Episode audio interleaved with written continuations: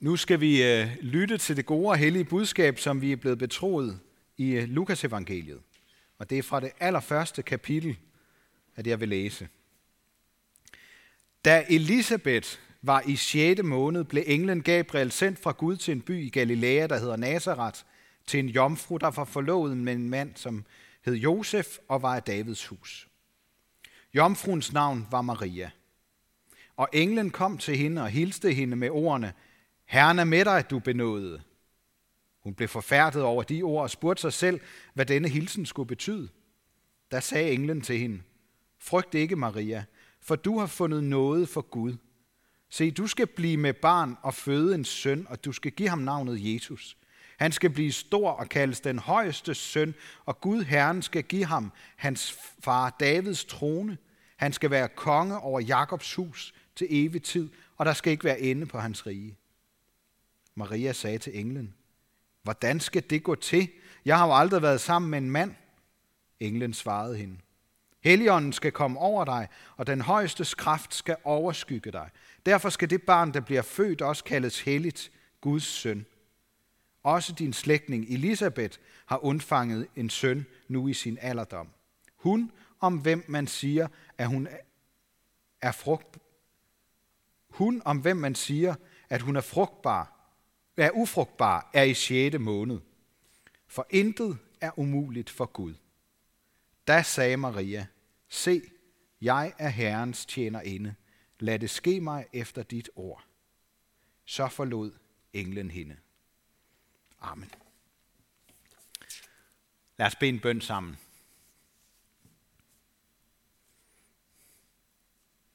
Jesus, vi forstår heller ikke noget af det her. Men jeg beder dig om, at vi må tro på de verdensomvæltende forandringer, du satte i gang på den her måde. Amen.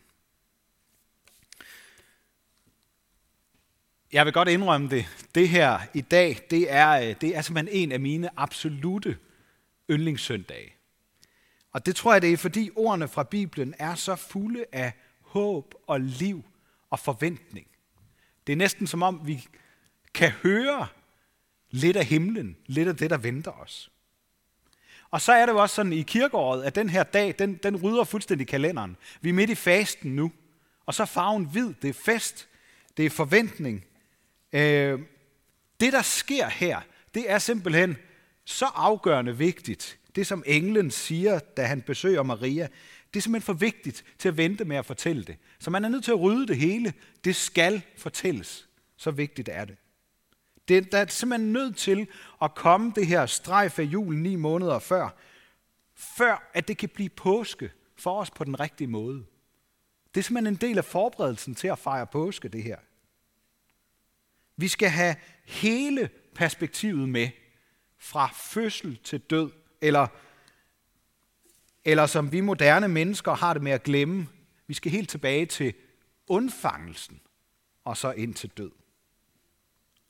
Når vi får tanker om, at vores eget liv måske ikke er så vigtigt i begyndelsen, hvor vi er dybt afhængige af andre og skal lære at leve, eller, eller vi er undervejs i livet, hvor vi ikke føler, at vi kan bidrage med så meget, eller, eller når vi bliver ældre, og vores forventninger og kræfter skrumper ind, så kan vi få den her tanke om, at så er jeg nok ikke så vigtig. Og så er det, at Guds engel kommer til Maria og fortæller os, hvad Gud tænker om mennesker, om os. At vi er uendeligt værdifulde, helt fra undfangelsen og til vi dør. Og han viser os det ved selv at leve det liv på jorden, som vi kender. Jeg ved ikke, om, jeg ved ikke, om I kan få øje, øje på det store i det små i det her. Gud bryder ind i en ung kvindes liv og skaber håb for alle mennesker.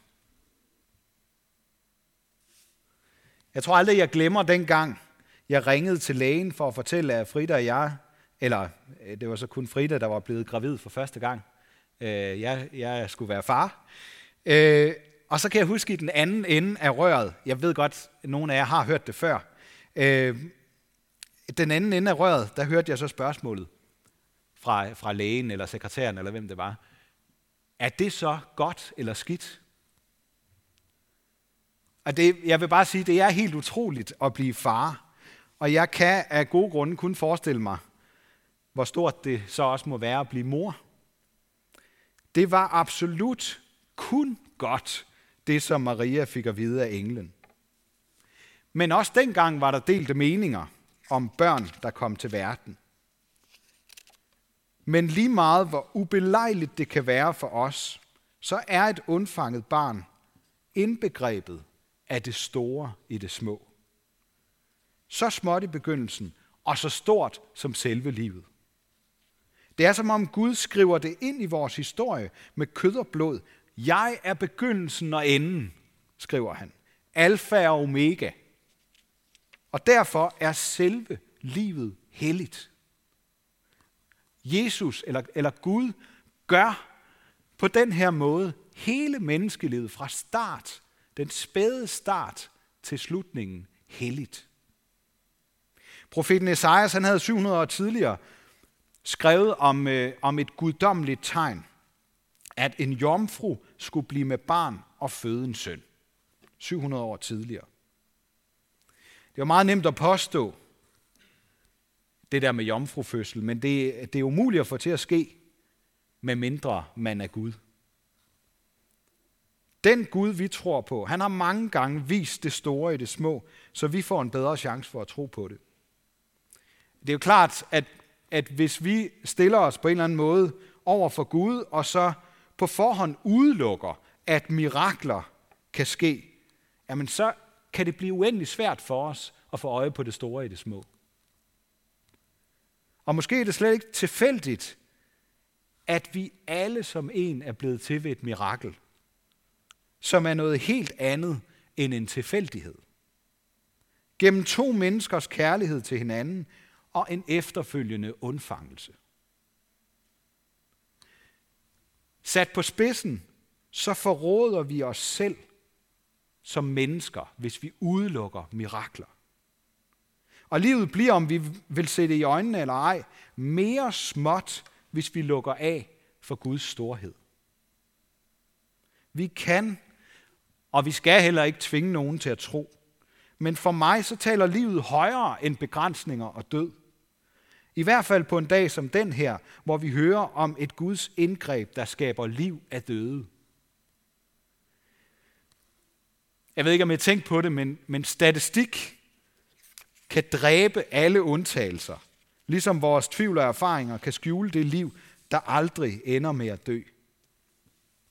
Men, men hvis, hvis det er rigtigt, og det, og det tror jeg det er, det har jeg hørt folk fortælle om, at tyngdekraften ændrer sig, når vi kommer ud af atmosfæren, ud i det store univers, er det så ikke også muligt at forestille sig et sted, hvor døden ikke holder os nede? Selvom vi ikke selv har været der. Kan vi så ikke godt forestille os det og tro på det, ligesom vi kan det med tyngdekraften, som er anderledes, når vi kommer længere væk fra jorden? Jeg er klar over, at det hører til undtagelsen i vores verden. Men vi kan godt få øje på de undtagelser, sådan som mennesker har gjort det altid. Abrahams 90-årige kone Sara hun fik sønnen Isak, selvom hun ikke kunne få børn længere. Det kunne man heller ikke dengang som 90-årig. Og barnløse Hanna fik sønnen Samuel, der blev Guds folks profet og første dommer. Og på samme måde hører vi, så fik gamle Elisabeth en søn, der kom til at hedde Johannes, Johannes døber, et halvt år før Maria fik Jesus. Og hver gang så var det som en undtagelse, der bekræfter reglen om, at det kun er kvinder i den fødedygtige alder, der kan få børn. Og det helt ubegribelige, det var, at Maria undfangede Jesus, uden at der var nogen mands sæd, der var indblandet. Det kan altså ellers ikke lade sig gøre. Ud af et lille frø, så kan noget kæmpestort vokse frem. Og det kender vi. Og, og selvom vi kender det fra forskellige øh, øh Jamen, jamen fra, fra alle mulige steder i verden, øh, både i, i dyreverdenen og planteverdenen og hos os selv som mennesker, så, så er det faktisk svært at begribe, hvordan det kan lade sig gøre. Men det, at noget kan vokse frem ud af overhovedet ingenting, det er der altså ikke nogen af os dødelige, der kan. Vi kan ikke engang samle et eller andet og få det til at ske. Så på den måde, så er det som om Gud i dag, med det englen kommer og siger til Maria, han sprænger alt det, vi kan tænke os frem til. I virkeligheden så synes jeg, kom jeg til at tænke på, at, at det er illustreret meget godt med vores tema for gudstjenesten i dag. Det er egentlig også blevet for småt. Det store i det små. Se det store i det små. Det her det er endnu større. Det er ikke bare at se det store i det små, det er at se det store i overhovedet ingenting. For Jesu undfangelse er ikke det store i det små, men det er det største af absolut ingenting. Altså det må også øh, have udfordret og provokeret den unge Maria, ligesom jeg tænker, det kan udfordre og provokere mange af os, det her. Vi kan jo vælge at tale det ned, sådan som jeg har hørt nogle par gøre det, hvor, hvor de snakker om, skal vi, ikke, øh, skal vi ikke lave nogle børn sammen? Det er jo ikke en dækkende måde at tale om livets store under på. Og jeg tror, at den måde, vi snakker om de store ting i livet, gør noget ved os. Nok er det utroligt småt og skjult, når et menneske bliver undfanget, men meningen er, at det øjeblik skal være kulminationen på det allerstørste. Kærligheden. Er det ikke tankevækkende, at Gud kunne have valgt alle andre måder, måder at fortælle os det allervigtigste på? Men han vælger at gøre det på den her måde, ved at ved at blive et menneske undfanget i en kvindes krop og født ind i en skrøbelig og farlig verden, sådan som vi kender den og erfarer den. Det var hans måde at fortælle det allervigtigste til os på. Så almindelig en begivenhed, og noget så usædvanligt, at det aldrig tidligere eller senere er sket. Verdens eneste jomfrufødsel. Ser vi det store i det. Guds kærlighed, der undfanges, for at den skal vokse sig stor i os og mellem os. Jeg tænker, at der er flere grunde til, at Elisabeth, Marias slægtning, oplever et mirakel kort tid før Maria. Det ved jeg ikke, om I har tænkt på, hvor, hvorfor vi skal, lige skal høre om den sammenhæng. Det er som om, det forbereder hende på det, der skal ske. Jeg har også flere gange oplevet, at Gud sætter mennesker sammen, så de kan følges ad i særlige perioder i livet, hvor de kan dele erfaringer på godt og ondt. Selv oplevede Frida og jeg for snart 14 år siden, at vi og vores venner mistede en lille søn med kun syv ugers mellemrum. Og det gav os faktisk midt i det forfærdelige og ubegribelige, trods alt mulighed for at følges ad i sorgens landskab.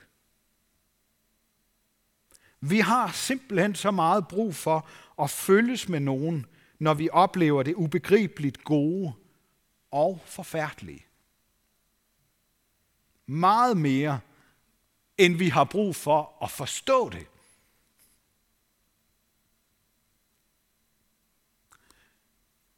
Jeg vil godt være ærlig og sige, at jeg kommer nok aldrig helt til at forstå hverken livets begyndelse eller afslutning. Heller ikke sådan det enkelte menneske, hvis jeg tænker på dem, dem jeg har set blive til, eller dem jeg har oplevet døde. Jeg kommer nok aldrig til at forstå det helt.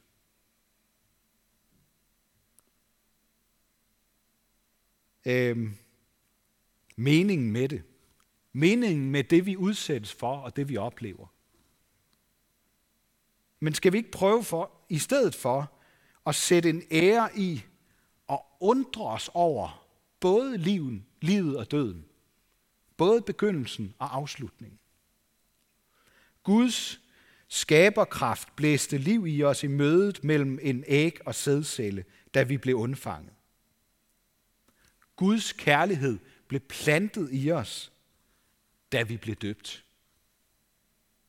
Det er umuligt om muligt endnu større, fordi Gud i dåben skaber noget i os ud af intet.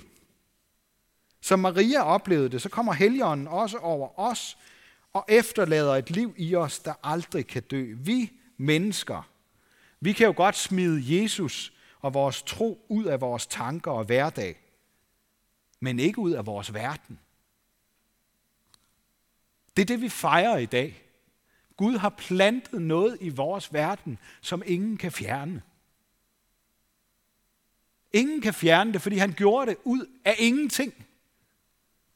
Det kom alt sammen fra ham, og så plantede han det i vores verden. Marias barn vil for altid være en del af vores historie og et håb for verden. Lige meget hvor småt vi tænker om det, så vil der aldrig ske noget større og mere håbefuldt. Og derfor er Maria et stort forbillede for os, fordi hun hviler i. Hun forstår ikke fuldt ud, hvad der skal ske med hende. Det vil jeg ikke påstå. Men, men hun hviler i at være tjener.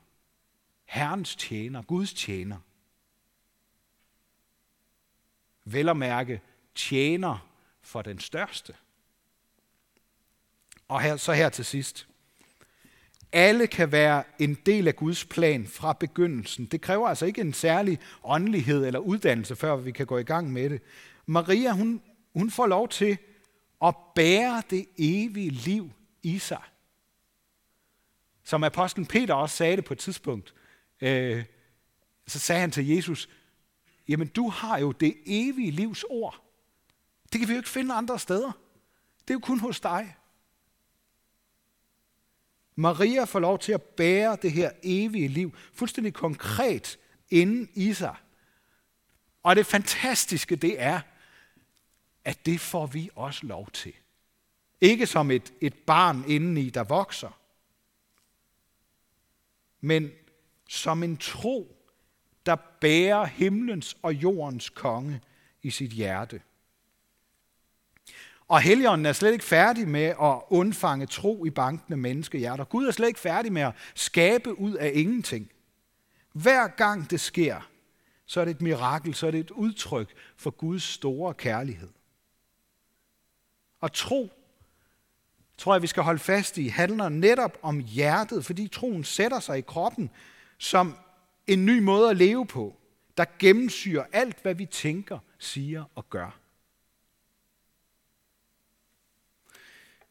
Jeg vil gerne runde af med at synge en, øh, en kendt faste eller påskebøn, der kun kan blive til virkelighed i vores eget liv, fordi Gud har gjort et under.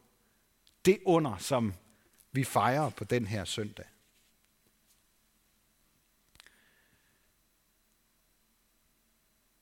Skriv dig, Jesus, på mit hjerte. Du min konge og min Gud. At dig løs dig heller smerte. Dig formår at slette ud.